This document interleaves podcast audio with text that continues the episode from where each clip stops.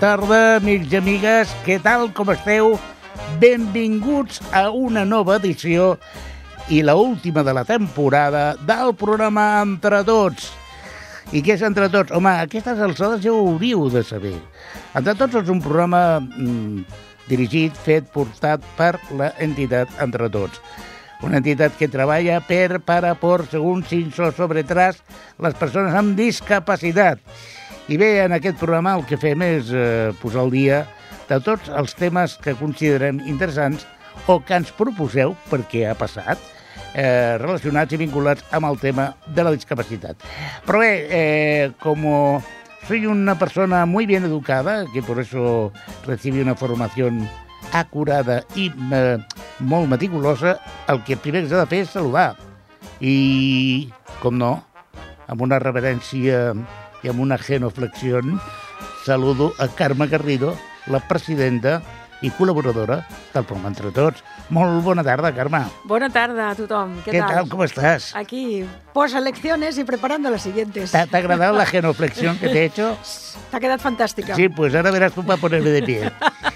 Toni Puparelli, un altre col·laborador que el tenim aquí. Eh, Aquest home és el, el rei del, del, del, del calés, saps? Eh, T'analitza les coses. Toni, molt bona tarda. Hola, bona tarda, Alberto.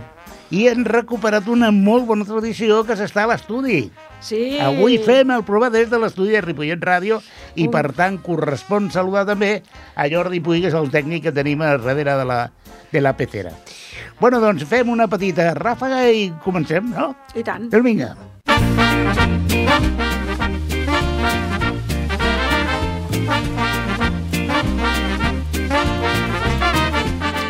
Bé, avui és un programa, al ser l'últim de la temporada, hauria de ser un recopilatori. Però és que, clar, és que els temes no, no avancen, i com no avancen, eh, pot pensar o podeu pensar que repetim rere dia rere o darrere dia, dia com es diu, rere dia, dia rere dia, dia, això, dia rere dia, el mateix tema, però és que clar, és que parlem d'accessibilitat. Què ha passat aquest any? Gairebé res. Parlem d'assistència personal, què ha passat aquest any? Gairebé res. És a dir, és que clar, evoluciona poca cosa. Bueno, algun avanç s'ha fet, però és tan lent i costa tant que les administracions es posin d'acord que no hi ha manera, perquè, per exemple, s'han fet avanços des del govern central, per sort, s'ha regulat el tema de l'assistència personal, almenys en l'àmbit de la formació, però, clar, falten recursos. I, clar, això arriba a la Generalitat i la Generalitat de Catalunya ens sap greu, però ho diré clarament, estan a por uvas no estan per la labor, tots són llargues. El Codi d'Accessibilitat continua parat. Ara l'han enviat a, a, a Brussel·les perquè ens posen l'excusa de que diu Brussel·les que a lo millor no està invadint competències. No, no està invadint competències, al contrari, el que, el que passa és que s'ha d'actualitzar. Vull dir, per això dic que, que estem en una, en una guerra contínua, en una lluita contínua, que, que realment és esgotador, però aquí estem, al peu del canó, i el que ens queda. Mm -hmm. Toni, a nivell de calés i de peles i ajuts i subvencions, la cosa com està?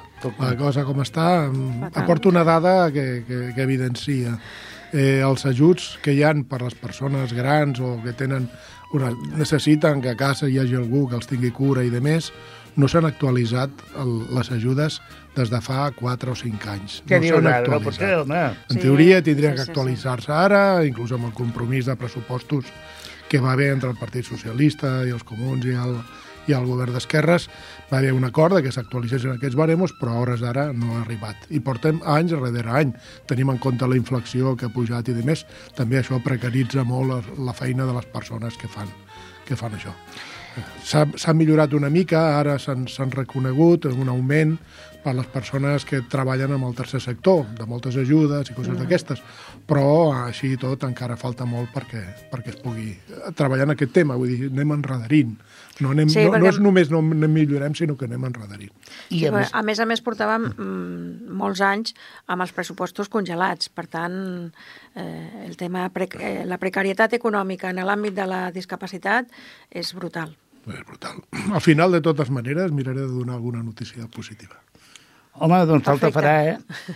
Bueno, i tota aquesta voràgin que explicaven, eh, enmig d'una campanya electoral municipal, que vull dir una cosa, i atenció, presteu atenció al que esteu escoltant, d'acord? Perquè entre tots, almenys aquí a Ripollet, ha obert els ulls i estem observant i vigilant com el nou eh, govern de la ciutat de Ripollet farà o no farà coses envers la discapacitat. Compte, eh? Que estem a la guai. Eh? Cuidao, cuidao, eh? Cuidao con nosaltres, eh? Ojo a Bizor. Ojo. I, i, I en la comarca de Vilafranca, eh, és a dir, al, al Baix Penedès o al Penedès... Al Penedès. Al Penedès, oi, perdó, el Penedès, clar, home. És que clar, el Penedès. Doncs, eh, compte, eh, també, perquè estarem observant. Eh, i el Maresme igual, eh? Sí, sí. No penseu que aquí... Perquè és que són àrees en les quals nosaltres tenim... Eh, Ah. I, i perdona, i no només Ripollet, estem aquí a tot el Vallès Occidental, a Sabadell, eh, que, que també tenim contactes, a Terrassa, Cerdanyola, vull dir, a Barberà... Sí, sí. Des Bueno. d'entre tots mirem amb lupa, eh? Estem observant a veure si compleixen aquests programes electorals que tants fotos han fet. Ah, No sé si us heu fixat, companys, que aquesta vegada ja molts ja ho feien, però aquesta vegada tots els partits han posat alguna persona en cadira de rodes, almenys a la foto de la, de la llista. Ah, és que queda molt bé. De cada... Clar, bona clar. cadira, eh? Una Sí, cadira. sí, Va, I sí. sobretot si és una cadira d'aquestes manuals petita, Sí, saps? Amb, un, amb una persona molt gran a sobre, sí, sí. que dius, eh, això cojo però moderno, eh? Exacte, sí, és sí, veritat, sí, eh? sí, sí. Ai, mare de Déu, senyor... Per això de- diem que vigilarem molt, que això no es quedi només amb la foto i que ja n'hi ha prou de que ens prenguin el pèl, que som ciutadans. Et dic una cosa, també I que també un... votem, que no se n'oblidin, que també votem. Mira, es- per no em parlis de votar, no em parlis de votar, perquè tinc, una, tinc molta por, Carme, tinc, Toni, tinc molta por. Una, una dada, Vinga, va. permeteu donar una dada, I tant. persones amb discapacitat al món hi ha un 15%. Uh -huh. Però no oblidem que si sumem totes les persones grans de més de 70 anys, arribem a un 22%. Només aquestes persones són un 22%, o sigui, si sumem el 22 més 15, eh, ens trobem a un 37% de persones que tenen necessitats especials, d'accessibilitat i de més. El gran repte uh, per l'any 50 és que a nivell mundial hi haurà 2.000 milions de persones en, entre aquests dos col·lectius. Pel això. Persones amb 50 discapacitat. dius. Què? A l'any 50 dius. A l'any O 50, sigui, dintre de 27 anys. dintre de 27 anys. No sé si arribarem, eh? No, no, ja, arribaré, però, però- imagineu 2.000 milions de persones al món Sí, sí, sí, en sí. aquest sector. Això vol dir que s'ha de tenir molt en compte temes d'accessibilitat, de garantia de serveis, de continuïtat, vull dir, dintre dels projectes de- d'horitzó. També hem de mirar, a vegades, també 25 anys en el futur. Doncs, Toni, la dada que has donat és molt interessant, però jo tinc molta por. Tinc molta por perquè si la cosa va com sembla que ha d'anar, en comptes d'anar cap endavant, anirem cap enrere. I a mi em fa molta por. No sé què vols que, que us digui, eh? Però... Eh, Bueno, per això han de cridar molt i especificar molt que la, és l'administració qui té la responsabilitat i són els, els, els governs, els, els municipals, aquests nous que comencen i, el, i els propers que al mes de juliol, fixeu-m'ho molt, fixem-nos molt en qui votem, perquè és molt probable que podem perdre tot el que a nivell social eh, hem guanyat. I tots aquests mica d'avanços que, que hem aconseguit, tot això es pot anar cap enrere. Per tant, tenim una gran responsabilitat. Bueno, hablando de responsabilidad, hablando de partidos políticos, hablando de elecciones, dejarme que salude a Carmele Anchaustegui. Eh, ¿Qué ha hecho Carmele? ¿Qué tal? ¿Cómo estás? pues muy bien, en estos momentos en la playa. ¿Qué, pero qué poca vergüenza tienes, ¡Qué Carmele. bien, qué bien! Egunon, Carmele, disfruta. Egunon. Bueno, es- explico, explico. Carmele es una colaboradora accidental a la que tenemos la intención de fichar en la próxima temporada. ¿eh? Eh, y colaboradora, una persona con discapacidad que hiperactiva en, en el País Vasco. Y Carmele, brevemente, ¿qué, qué, qué lío habéis montado últimamente en Euskadi? ¿Qué, ¿Qué estáis haciendo en relación con los partidos políticos y las campañas electorales? Ya. Bueno, pues en este momento desde hace dos meses, ¿eh? ha sido muy muy breve la campaña esta que hemos hecho, pero está teniendo su eco. Bueno, pues ha sido un poco la unión de las personas con discapacidad, pero diversas discapacidades, ¿no?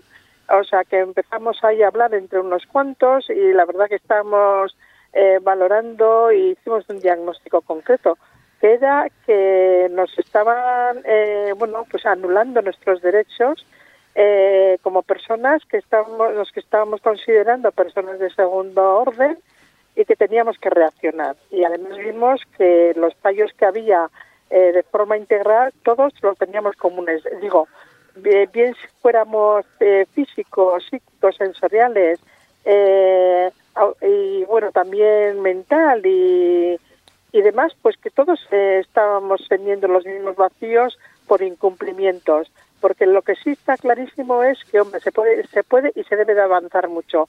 Pero lo que está fallando es el cumplimiento de las leyes básicas que ya las tenemos, porque normativa existe. Lo que pasa que no hay un incumplimiento total y a los incumplidores les está saliendo gratis, pero no a los que padecemos esa ese incumplimiento, ¿no? Y por eso, bueno, pues hicimos eh, un grupo en la que además eh, nos hemos visualizado unos cuantos, pero tenemos apoyo de muchos. Hicimos una rueda de prensa en la que tenemos que aplaudir desde luego a los medios de comunicación, porque yo diría que están representados todos los que estén en el País Vasco, bien sean estatales o, o autonómicas, y está teniendo su eco. Hicimos un manifiesto eh, muy bueno, eh, yo diría, y ahí andamos trabajando. Y bueno, todo esto luego pues lo hemos visualizado a nivel de partidos políticos y demás, y con la idea de seguir.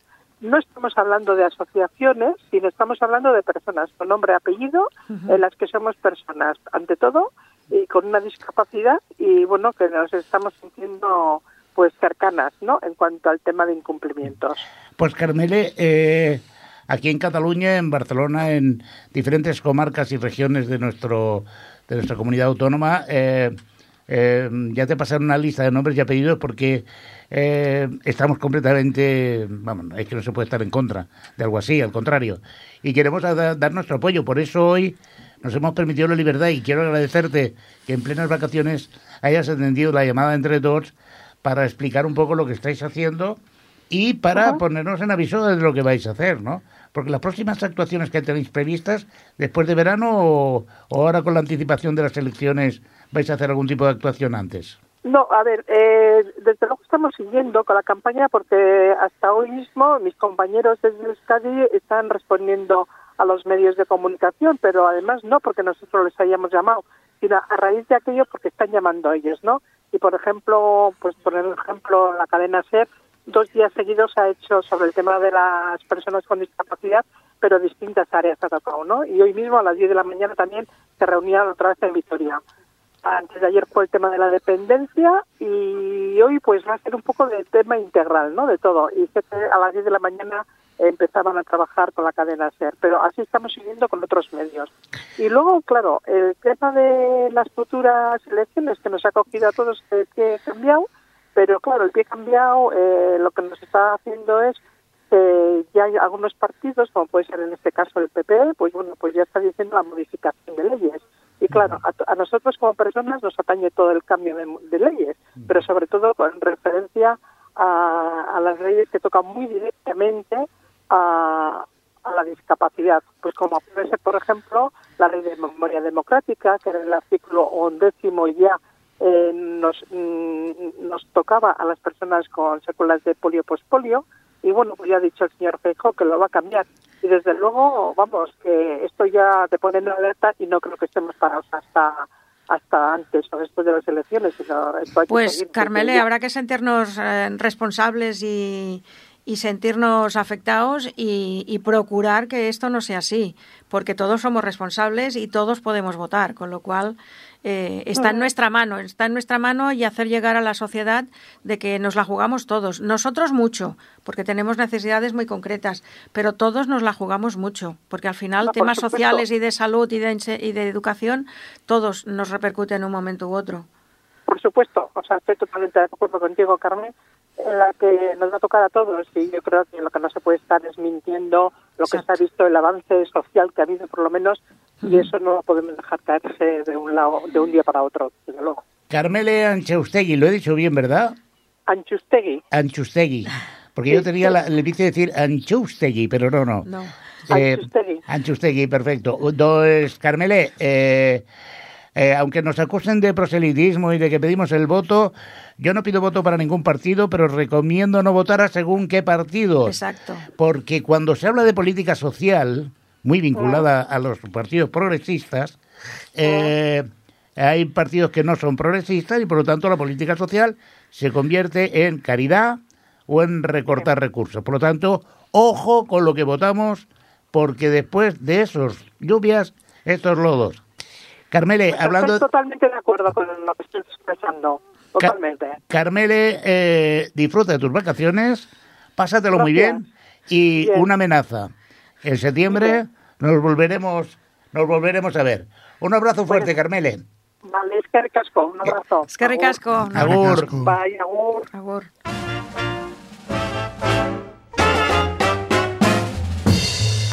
Bueno, eh, eh, ja sé que aquest és un programa local, ja sé que eh, nosaltres treballem en l'àmbit, de moment, a nivell català i tenim una petita avançadilla en, el, a la comunitat valenciana, però ja va bé tenir persones a, en el País Basc, sobretot com Carmele, que és una dona que representa tot un moviment de gent amb discapacitat al País Basc que estan fent feina molt interessant i amb la qual ens posem al seu costat per treballar-hi. I tant.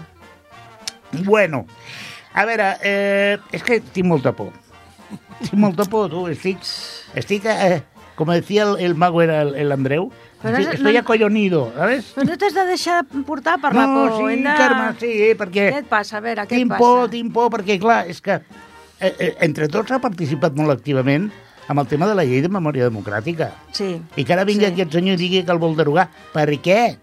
Però si, Bueno, si... perquè va en contra dels seus interessos. Però, Clar. de debò, quina... Que no sabem, que no sabem d'on prové aquest partit. I tornaran a posar a zero la partida de dependència? És, el Rajoy és el primer que va fer quan em va entrar al govern en el seu moment. Per tant, Pero al menos que- tendremos la caridad cristiana de Vox, ¿no? O tampoc? no, això tampoc. No, no, no. Tancats, tots tancats a casa o perquè residències no hi ha per tothom. Bueno, hablant de, hablant de coses, Toni, tens alguna dada esperançadora que diguis mira, escolta tu, A veure si li traiem la por, Toni, Sí. digue-li alguna cosa. A veure, jo, una de les coses que he vist analitzant una mica els resultats electorals, he vist que hi ha hagut més abstenció que fa quatre anys. Hi han hagut partits de progrés, eh? no vull mencionar partits, però es pot entendre, que es van quedar a casa 270.000 persones a Espanya. Si aquestes persones ho haguessin anat a votar només la meitat, a la mateixa opció que van votar abans, no estaríem en la situació electoral que estem. Prenem nota per les properes. I aquí va una dada que explico d'algo que ahir va entrar en vigor. Ahir, dia 1, que es va publicar el dia 15, una llei que es va publicar el dia 15 de juny. Ai, 15 de maig, perdó. És una llei que ajuda a les persones amb discapacitat superior a un 45%. Ajuda a les termes de la jubilació anticipada amb menys anys de cotització, en lloc de 15 anys com a mínim, només amb 5 anys de cotització en la seva vida laboral i un, i un grau de 45% de discapacitat, ja es pot jubilar. Tenim en compte una cosa molt important, que és això, persones grans, persones amb discapacitat. De 15 anys passa a 5. Això hi ha hagut aportacions del CERMI, com a entitat es- espanyola de, de persones amb discapacitat, que representa moltes de les federacions i grups d'interès del tema de discapacitat, i ha col·laborat amb el Ministeri per, per fer aportacions. Agilitza també la certificació de grau de discapacitat. Per adquirir això, per exemple, només amb un certificat metge, del metge, en el qual digui des de quan té una persona una incapacitat invalidant o una, o una suma d'elles que arribin a, al 45% ja serà suficient, no caldrà el certificat metge que triga molt de temps, etc, en la qual ajudarà a millorar. També, dintre del CEPE, que és el servei on es, ens dirigim per demanar la jubilació i de més, també crea, estan creant un grup especialitzat en temes de persones amb discapacitat, en la qual la persona que demani amb discapacitat, que demani la jubilació o assessorament sobre el tema, tindrà al seu abast persones amb reconeixement. Això vol dir col·lectius importants que estan ja també sent atesos per aquest tema. Eh, una altra dada també, eh, l'ingrés mínim vital, es, pot, es veurà millorat amb un 22% si en una família hi ha, un, hi ha una persona amb discapacitat. Això també ajuda i millora. Per una altra banda, dintre del Pla de Recuperació i Resiliència, en el programa d'empleo també hi haurà una personalització per la trobada de feina a persones amb discapacitat intel·lectual. Penso que són senyals. Tot això en vigor des d'ahir, dia 1 de juny, per una llei que es va publicar el dia 15 de maig. Però tot això... Això- Perdona, perdona, Carme, digues, digues. No, no, que dic que, que, que això és del que estàvem parlant, no? que els, els avanços molt importants que hem aconseguit, perquè les persones amb discapacitat tenim voluntat d'estar actius sempre, i si és laboralment encara més, perquè ens interessa i volem cotitzar per quan realment no puguem treballar, tenir una, una pensió digna, eh, tot això és molt important. Però per això és tan important el que dèiem abans, de que tothom se senti responsable de que això pot continuar avançant o es pot eh, estancar. Això és eh, importantíssim a nivell de Catalunya, perquè a nivell de Catalunya, i des de fa anys sabeu que eh, entre tots forma part de la Federació ECOM, que té, ja porta 52 anys lluitant pels drets de les persones amb discapacitat, és qui, qui regula i qui desenvolupa el tema del, del SIL, que és el Servei d'Integració Laboral per Persones amb Discapacitat, i des de fa anys la Generalitat això ho va rebaixar i tancar, i actualment queden molt poquetes oficines d'aquestes d'inserció laboral. Doncs, eh, I ho van passar directament al CEPE, diuen, voleu igual igualtat, pues tots, tots a passar pel CEPE. Però clar, el CEPE ni tenia la, les tècnics adequades, ni feia la formació ni l'atenció adequada. Per tant, eh, aquest, aquesta nova llei, aquesta que ha entrat en vigor, és, és molt, molt important. Clar que ho és, perquè a més a més eh, eh, no només estableix una... jo diria que normalitza una, un dret, no? I, i, i permet a les persones amb discapacitat que tenen i ho hem de dir clarament, menys possibilitats laborals i, per tant, menys possibilitats de cotització, jo crec que eh, regula correctament i dona igualtats d'oportunitats d'accés a una pensió. Amb una pensió per, per treballar, és a dir, de jubilació. No estem parlant d'una subvenció eh, a fons perdut per el fet de tenir una discapacitat. Estem parlant de que, escolta, jo vull treballar, vull cotitzar, el que passa que probablement per la meva discapacitat no podré cotitzar els anys que amb un treballador no discapacitat, d'acord? I aquesta llei el que fa és, eh, diguem-ne, normalitza o diu, iguala la possibilitat d'obtenir una pensió. Perquè no oblidem una cosa, companys i companyes, i, i, i em sap greu dir-ho, eh? us ho juro que ho diré i em farà mal l'estómac, però és que tenim dret a treballar. Enteneu? Sí. Les persones amb discapacitat... Tothom té dret a treballar. I a mantenir-se i establir una normalitat econòmica a través del treball. I les persones amb discapacitat també. Tinguin la discapacitat que tinguin. I de la mateixa manera que hem de parlar d'accessibilitat eh, en, en el món del treball també. I que si puc treballar, treballo. I és que aquesta és una de les grans eh, discriminacions, no? que, que malauradament no només en l'àmbit laboral, sinó l'educatiu, el de salut, a, a tot arreu, cultural, esportiva, etc. encara encara hi ha aquest paternalisme per part de la societat, però malauradament també per part de l'administració, la, de, de que les persones amb discapacitat, moltes vegades ho diem, ens veuen com malalts. I quan estàs malalt no vas a treballar, no vas al cinema, no fas esport. Uh -huh. Però, clar, què passa quan aquesta lesió o aquesta patologia és crònica i de per vida? Mm, pots... però, però és que inclús eh, inclús vist des del punt de vista economicista i dels diners, de oh, l'egoisme. Sí, una sí. persona amb discapacitat, si no se l'ajuda a que estigui incorporada al món laboral, clar l'economia en general se'n ressent. És capital humà Exacte. que no és productiu. Sí, sí, Mirem-ho des del punt de vista economicista total, inclús sí, sí. des d'aquest punt de vista... Són persones consumidores, són com persones tots. consumidores i són persones que si treballen aporten valor a l'economia en general. Vull dir, no s'ha de mirar amb paternalisme, inclús s'ha de fer amb egoisme econòmic, si un vol mirar Sí senyor, totalment d'acord. Uh -huh. Tinc molta por, eh? Eh, sí? Estic, no, no, no, no t'estan convencent, por. Sí, Alberto? però és que han tenit, tinc molta por, perquè tinc molta por, perquè, clar, és que, és que bueno, hi ha un brot d'esperança.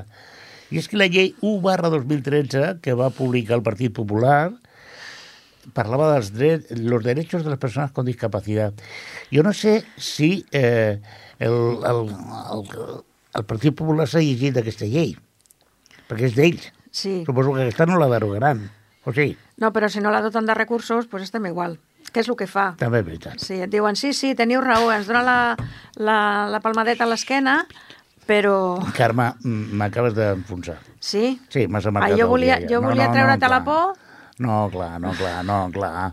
Tenim lleis, però és el que deia la Carmela, eh? Sí. Que, que, que per marc normatiu ja en tenim de, de bo, eh? Però el que no tenim és, és, és possibilitat de, de, de fer-ho doncs eh, malament rai. Però Ai, bueno, Déu. tenim un tema que, que jo crec que avui, el- com a últim del programa de la temporada, Mm. l'hem de, de tractar, eh, perquè a més a més tenim un convidat, és, és el tema de l'assistència personal. Ah! Que... ¡Uy! ¡Ah! ¡Ah! Con la iglesia hemos topado. Ah, Con la iglesia hemos topado. personal. Ai, amiga mia. Ah, ah, ah. No hi ha diners per fer una rampa i poder entrar en una botiga a comprar-me uns calçotets i tu em parlaràs ara d'assistència personal. Anda, vinga! Con lo bien que se están las residencias de la tercera edad. Però, escolta, mm, hi, ha, hi ha lleis i la llei s'ha de complir. Ja sé que, Va, ja sé va, que hi ha va. algun sector que No, diu que, no, que si no, no, estàs no, d'acord no. amb la llei que no la tens l'obligació de No, complir. no, no, no, Però clar, no. no podem anar per aquí. Això són Perquè, martingales. escolta, No, no. parlant de lleis, tenim la convenció que Espanya la va ratificar l'any 2008. Estem al 23, eh, companys? Bueno, companys. Ja, va, Oients estimats, còmplices estimats. Mira, avui més que mai hem de parlar de còmplices. Sí? Sí, els- han de ser còmplices i han de, han de fer les coses ben fetes i col·laborar. uh, per tant, el tema de l'assistència personal és primordial. Para! Què passa? Assistència personal? Sí. Ràfaga perquè tinc un convidat. Home, ja t'ho he dit, ja el tenim aquí.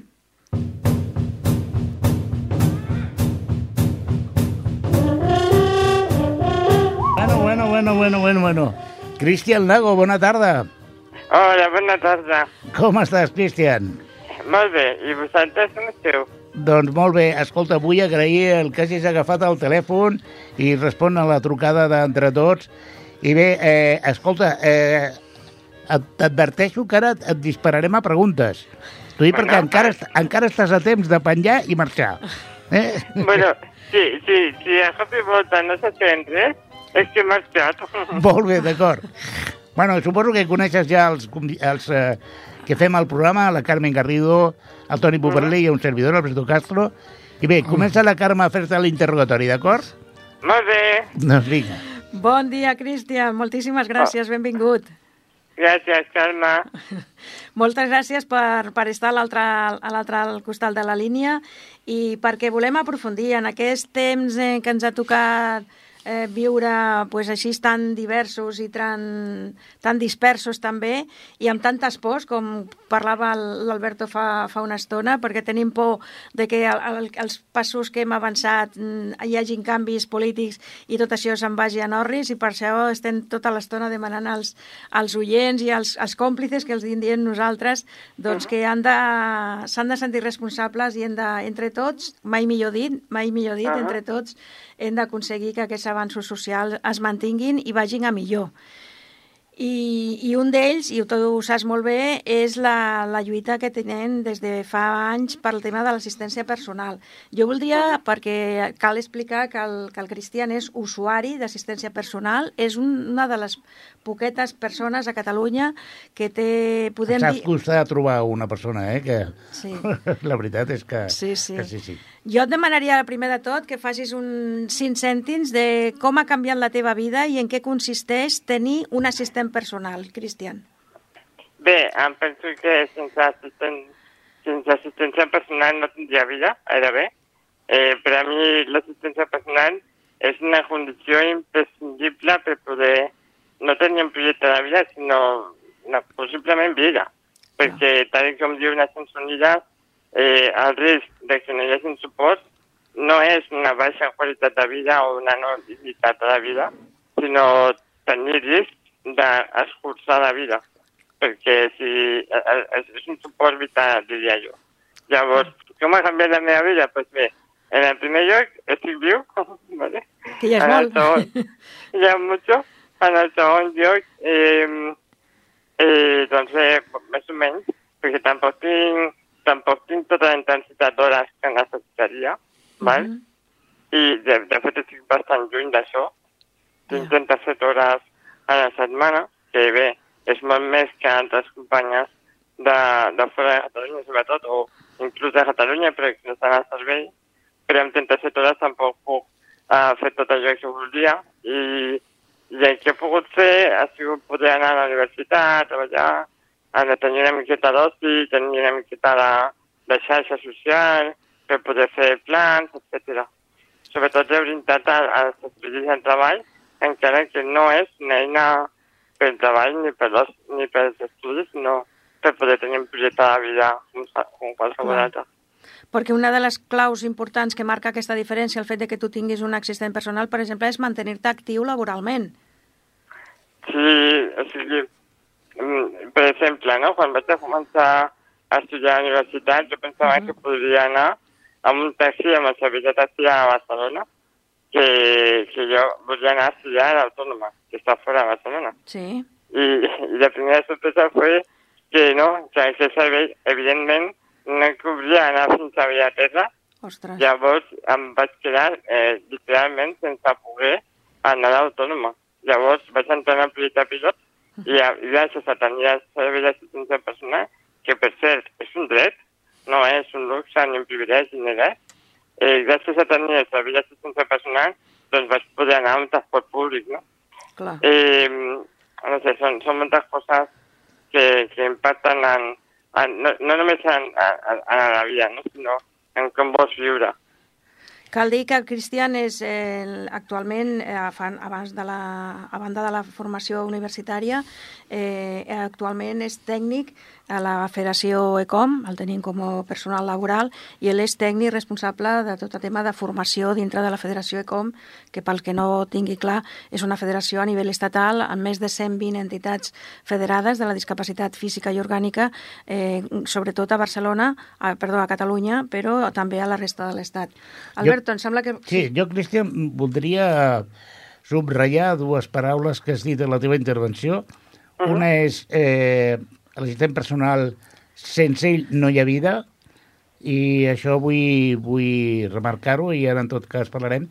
I després una altra paraula que has utilitzat, un terme que has utilitzat, que a més que també s'ha de subratllar, és el tema de que és un dret.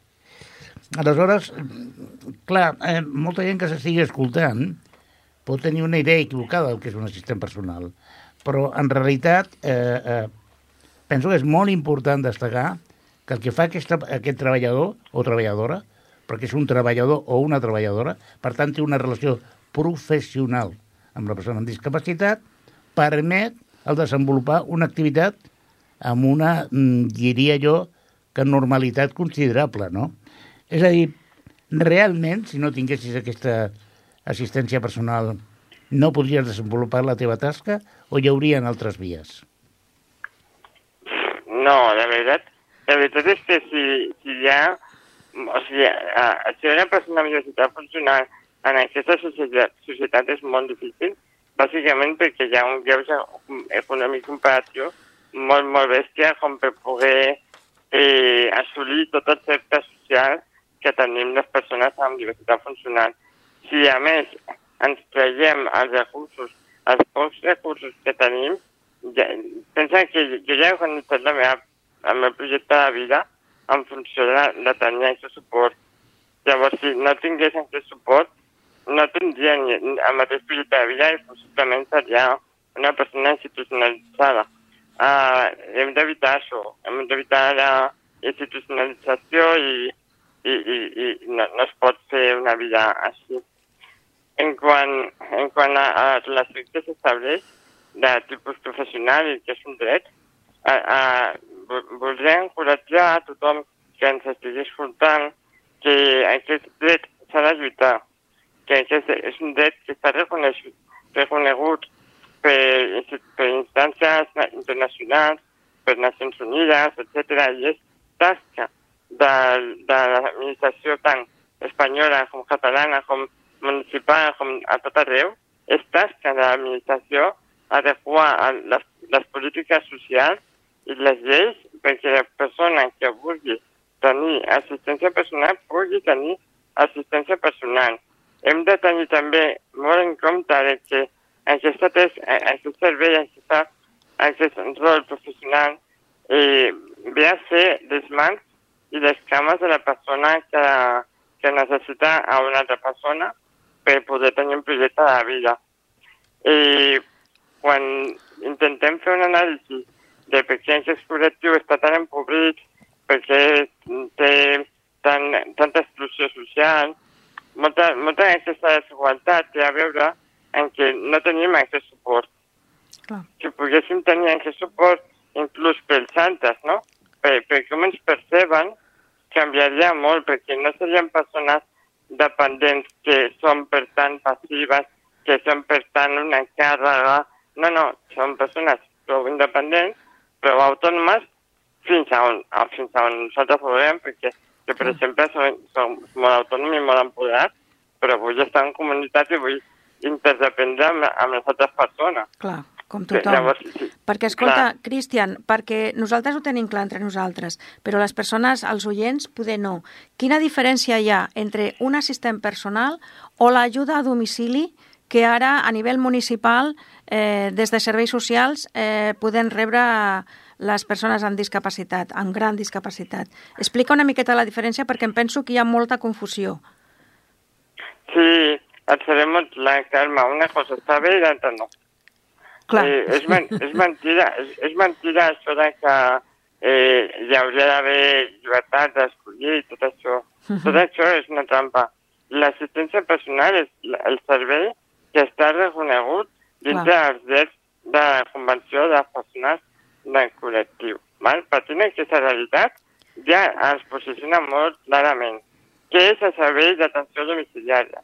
Doncs bé, eh, les, les principals diferències són moltes, en realitat són moltes, val? que, m- millor comencem per què tenen en comú.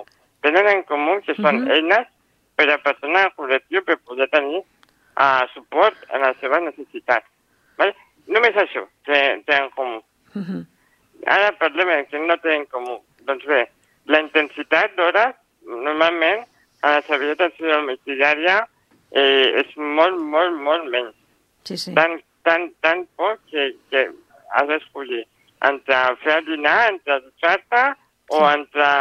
llevar-te Anar a comprar, sí. Sí, sí, o sigui, estamos ahí, ¿vale? Mhm. Vale, ahora imaginem que diem, no, no, vamos a meterle más horas y tendrem eh, 700 horas d'atenció domiciliària. Bé, com el propi nom indica, és una atenció domiciliària. Clar, Ja, ja t'està jotando el tema. clar. Ara, ara bé... Com Ara, el, com el seu nom indica, és dintre del domicili. Però quan la persona vol interactuar fora del domicili, ja aquí tenim la barrera. Exacte, ara anem al segon tema, a, a, a la siguiente trampa.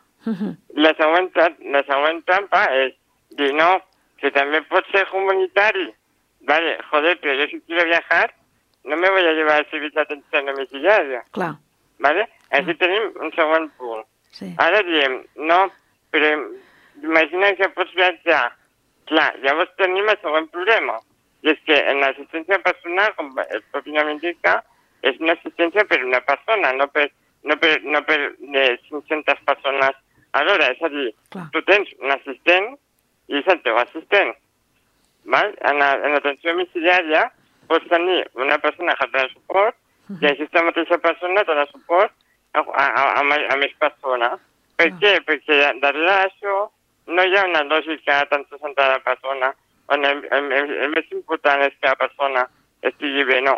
El més important és que sigui sostenible pels interessos empresarials que hi ha darrere. Ah, Llavors, exacte. llavors no contractarem Ara. 400 persones per donar dues horetes de servei, sinó que una contractarem 10 persones per dir alguna cosa, la posarem a jornada completa, eh, anirà a fer molts serveis a moltes persones, per tant, no hi haurà flexibilitat en quant a les necessitats de la persona, Mhm. perquè ja darrere una, una necessitat de l'empresa, i, i no pots ni, ni molt menys viatjar ni tot això perquè hi ha compromisos amb altres persones. Per dir-ho clar, per dir clar i català, el... surt, més, surt econòmicament més a compte per les empreses eh, les, el servei a domicili, perquè aquí hi ha empreses que guanyen diners, que no a la- l'assistència personal, que és un treballador contractat per, per una entitat o per una persona, oi? Exacte. Ja. I és un dret. No hem de privatitzar els drets. Llavors, Clar. clar què passa? Que, que, com, que si diem, no, imagina't que tenim atenció domiciliària on tens tota la intensitat d'hores que necessites, la flexibilitat, només tens un suport, pots anar a la comunitat, pots viatjar i pots fer totes les tasques que Clar. tu faries si poguessis. Coi? Llavors és assistència personal, Sí. no és atenció domiciliària. si cambiamos todo, pues ya se convierte en asistencia personal. Clar. El que, el que hi ha una cosa en la qual eh, jo voldria matitzar. El fet de que, de que es faci millor o pitjor és una responsabilitat política. És a dir, totes les empreses que ofereixen un servei tenen dret a guanyar calés. El problema és la decisió política de fer-ho d'una manera o d'una altra.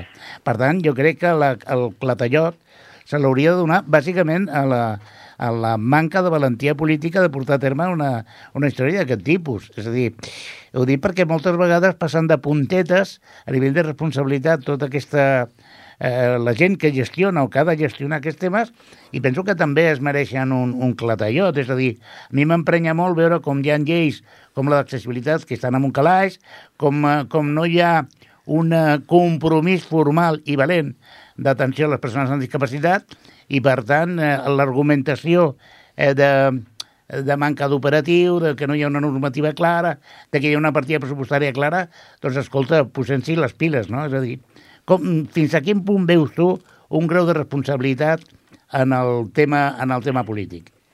Hem, hem, hem de partir de que quan signes la convenció dels drets del col·lectiu, qui signa aquesta convenció és l'Estat. Llavors ja, ja partim de que l'administració és la responsable de fer una política social alineada al que posa els articles. Si et diu que tens que tenir igualtat d'oportunitats, gaudir de l'esport, poder gaudir de l'oci, tenir servei d'assistència personal, etc etc etc, és l'Estat automàticament qui està obligat a fer aquestes adaptacions a la seva eh, llei, a les seves lleis, perquè això eh, eh, sigui una realitat. Mm -hmm. Portem, portem des del 2006, 2007, eh, amb aquesta convenció. Llavors, Sí, la excusa de, de no, no, es que nos ha pillado por sorpresa, no nos sirve. No, no, és... Això, Això, no ja, és això ja ha caducat, eh? Això ja fa temps que ha caducat. caducat. Sí, sí, sí. Llavors, sí. què està passant? Està passant que hi ha darrere lobbies, interessos, ¿vale? que fan que no sigui interessant pels eh, governs polítics eh, fer una aposta decidida Clar. pels nostres drets. Hem de, i, I ara, personalment, volia parlar del terme cost electoral. Perquè quan prenen decisions els partits polítics, i més, i més igual quin partit polític sigui, Sí. aquesta anàlisi la fan. Llavors, ¿dónde se piden más votos? Eh, impulsando una, una, un- unas decisiones. O sea, ¿cuántos votos gano si yo tomo medidas para que las personas del colectivo estén mejor cuando ni siquiera está garantizado nuestro voto? Clar. Porque hi ha, hi ha moltes persones que no poden sortir de la residència, no poden sortir Clar. de les seves llars perquè no estan adaptades. Eh, no poden acudir a, a, a acudir electoral perquè tampoc estan adaptats. Sí, sí. Ah, per poder anar necessiten justament assistència personal, Correcte. que no tenen. Llavors, jo- ¿cuántos votos gano si no, si no poden ni votar? Sí, sí. Escolta, i ara aquests dies s'ha reunit el Consell Territorial de Serveis Socials i del Sistema per l'Autonomia i Atenció a la Dependència i han aprovat un acord que es defineix eh, o estableix les condicions específiques de l'accés a la- l'assistència personal. Però jo me l'he mirat una miqueta per sobre i ens agradaria tenir la- una miqueta la teva opinió, perquè eh, en realitat el que de veritat necessita que són recursos no s'incrementen. Per tant, estem igual, no? Eh, eh, has de dir que aquesta, aquesta cosa ha sortit aquesta setmana Sí. en el BOE, Mm? no m'he pogut llegir sí. en deteniment, però més o menys tinc una, una, una, unes coses clares, no? Mhm. En primer lloc, important, quan parlem de Consell Territorial, com es prenen les decisi- decisions envers el nostre col·lectiu. Es tomen, eh, es prenen al Consell Territorial, que és un espai on eh, està inclosa la- la- l'administració estatal i també les administracions com les diferents comunitats autònomes. Per poder eh, desenvolupar l'assistència personal, per tant, és necessària la cooperació tant estatal com de les diferents comunitats autònomes, perquè si no, no Totalment. es prenen decisions. Totalment, I si no es prenen decisions, no es regula, i si no es regula, mai surt endavant. clar. ¿vale? Què passa? Que com que hi ha molts, eh, moltes veus eh, per prendre decisions, sigui, per exemple, a Catalunya ho tenim molt clar, però a Ceuta i Melilla no ho tenen tan clar, eh, fins que tothom no estigui, poso un exemple, eh, només, fins que tothom no estigui en el mateix nivell en, en el marc teòric i en la visió Clar. de la realitat i, i, i de la infraestructura i tot això, no podem avançar. Llavors aquí ja tenim un petit problema, Ja. que és fins a quin punt es podem coordinar diferents eh, veus per poder desenvolupar l'assistència personal. Llavors, aquest acord que s'ha pres Sí? s'ha d'interpretar en el marc de la realitat no només de Catalunya, sinó de totes les comunitats autònomes d'Espanya. Doncs, A- Cristi... Això, Perdona, que, Perdó. acaba, acaba, perdona. sí, molt ràpid. Això què vol dir? Que no, potser no és tan ambiciós com ha de ser, ¿vale? Per què? Perquè és una cosa mínims. Ara, el És que una hem de cosa fer... mínims. Exacte. És una cosa mínims perquè les diferents comunitats autònomes no facin el que vulguin, sinó Ah. que facin coses amb, amb un paradigma ja. Llavors, és la nostra tasca seguir fent uh, pressió tant a, a central perquè augmenti la quantia de l'assistència personal a partir de, de ja decret, però també és la nostra tasca fer pressió a les diferents comunitats autònomes perquè la Convenció també diu que és responsabilitat de les diferents administracions intraregionals Sí. eh, el desenvolupar, l'assistència personal. I així mateix, i tanmateix, eh, eh, si, si, si tenen veu al Consell Territorial, eh, eh, quan, quan, s'agaf, perdó, eh, quan es crea un, una cosa de mínims, el que es vol dir és que a la comunitat autònoma hi ha marge per desenvolupar eh, noves, noves uh, competències o etc. Clar, que es pot avançar més. Exacte, llavors hem de fer pressió a les, a les comunitats autònomes perquè així ho facin. No sé si m'he explicat. Perfectament, Cristian. El que tenim clar és que això no... eh, que t'haurem de trucar una altra vegada la propera temporada per parlar amb tu Sí. amb més calma de molts temes i que t'agraïm absolutament la, que hagis eh, acceptat la, la convida, la invitació de l'entre tots i, i bé, demanar-te si podem comptar amb tu eh, la propera temporada per, per, per xerrar amb tu de temes molt interessants. I tant. Doncs, Cristian, escolta, moltíssimes gràcies i te amenazo con que et trucarem en la propera temporada per parlar de tot una mica. Molt bé. Gràcies i enhorabona per poder tenir una, un assistent personal. Gràcies, Gràcies. Cristian. Adéu. Vinga, continuem. Una abraçada.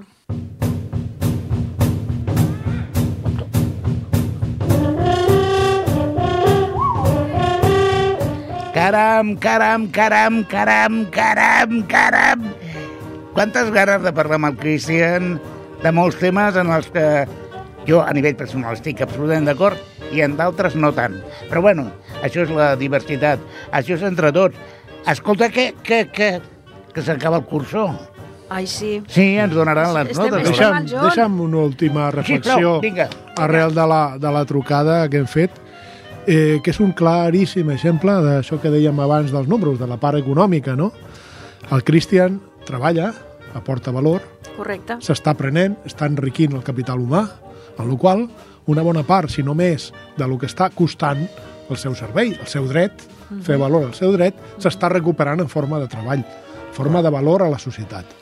Valorem això també quan, quan tenim decisions. I aquí no és important el color polític. Si aportes valor a la societat, si millores el, el que se'n diu la, la rentabilitat de les persones per persona, que al final una persona que no treballa, no produeix i pot, amb ajudes mínimes socials, pot arribar a poder aportar valor, està enriquint el país, la- l'autonomia, la, el municipi, la seva família, la seva persona mateixa. Surts més, vas de vacances, vas a dinar... pagues- Veiem el valor també de la- Clar. de l'economia en aquest factor. Carme ha dit anem de vacances i nosaltres ens anem, escolteu, perquè, perquè s'acaba la temporada, perquè s'acaba... Però tornarem l'any que ve, eh? Si ens queden forces... Ens queden forces, Carme. Home! Sí, no? Mirarem de recuperar-nos aquest estiu, eh? tot i I que tant. amenacem a tornar a la festa major, Va. que estarem aquí, però, sí, home, sí. Podrem parlar de- Carregarem piles. Podrem parlar de les vacances accessibles, que aquest és un altre tema guai. Sí, sí, sí. Toni Puparelli, no t'ho puc dir més clar i més alt tampoc, perquè si no el Jordi Puy, el tècnic, eh, fotrà un crit. Però moltíssimes gràcies per ser-hi i, escolta, ara tu ja no t'ho demano, o sigui, a tu t'ho exigeixo. Soc de plantilla. Per contracte, tu ets titular indiscutible d'aquest equip. Gràcies, Toni. Senyora presidenta Carme Garrido. Senyor La vicepresident, genoflexión, eh? I, Carme, moltes gràcies per anar a tu. Anar a tu no, és que tu ets el l'entrenador, la líder, la, la lideressa. bueno. No sé què m'has recordat la això ara. pesada, la pesada que estem... Va, que toca això, vinga, He va. dit, he dit lideressa i m'ha fet una mica de... Ui. Ui, ui, cuidado, cuidado. Doncs Carme, no. l'ho dit, que... Aquí no hi ha ni un número, número un, ni dos, ni tres. Aquí som un equip i tots endavant. Ah, exacte. I entre tots ho fem. Ai, mira, molt convallar, eh? entre tots ho farem tot. Amb el que avui li hem fet treballar i feia temps que no ho feia era el Jordi Puig, amb el qual li volem eh, donar una abraçada i agrair la paciència que té l'home.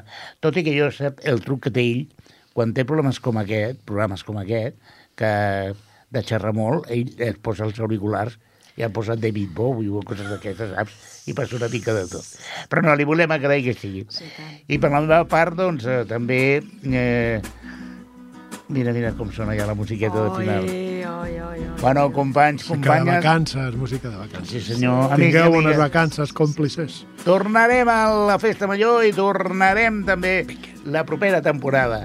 Sí, pico, perquè vull que ho sentiu. Pico, pico. va. No, a, a veure, de debò, que moltes gràcies per ser-hi, que per estar informats eh, aneu a les nostres xarxes socials, que com ja sabeu és entre tots, eh, poseu-li ORG al final i sortirà tot. Eh, mm, tot i que hem tingut una petita coseta perquè s'han, ens han robat eh, un perfil de d'Instagram, sabeu? Sí, perquè, clar, és que, però, bueno, d'això ja parlarem un altre dia. I, bueno, eh, doncs, eh, les xarxes socials i a Ripollet Ràdio, a ripolletradio.cat, podeu escoltar aquest programa quan vulgueu, on vulgueu, i ja sabeu, entre tots no busca oients. El que busca és... Còmplices! Còmplices. A reveure, fins l'any que ve.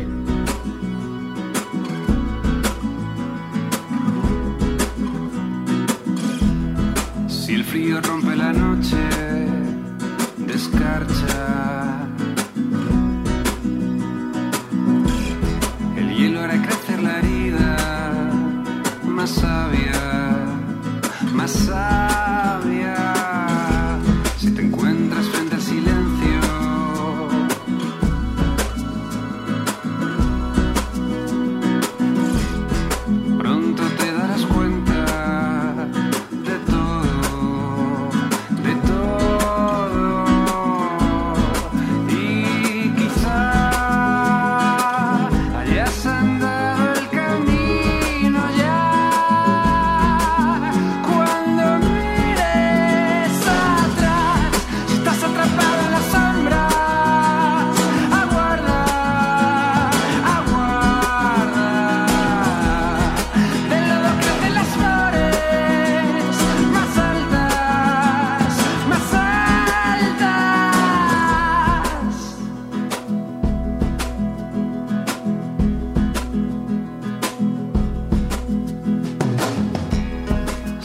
Si baten contra los muros las aguas. De la grieta nace la duda. Más sabia si estás encallado en la arena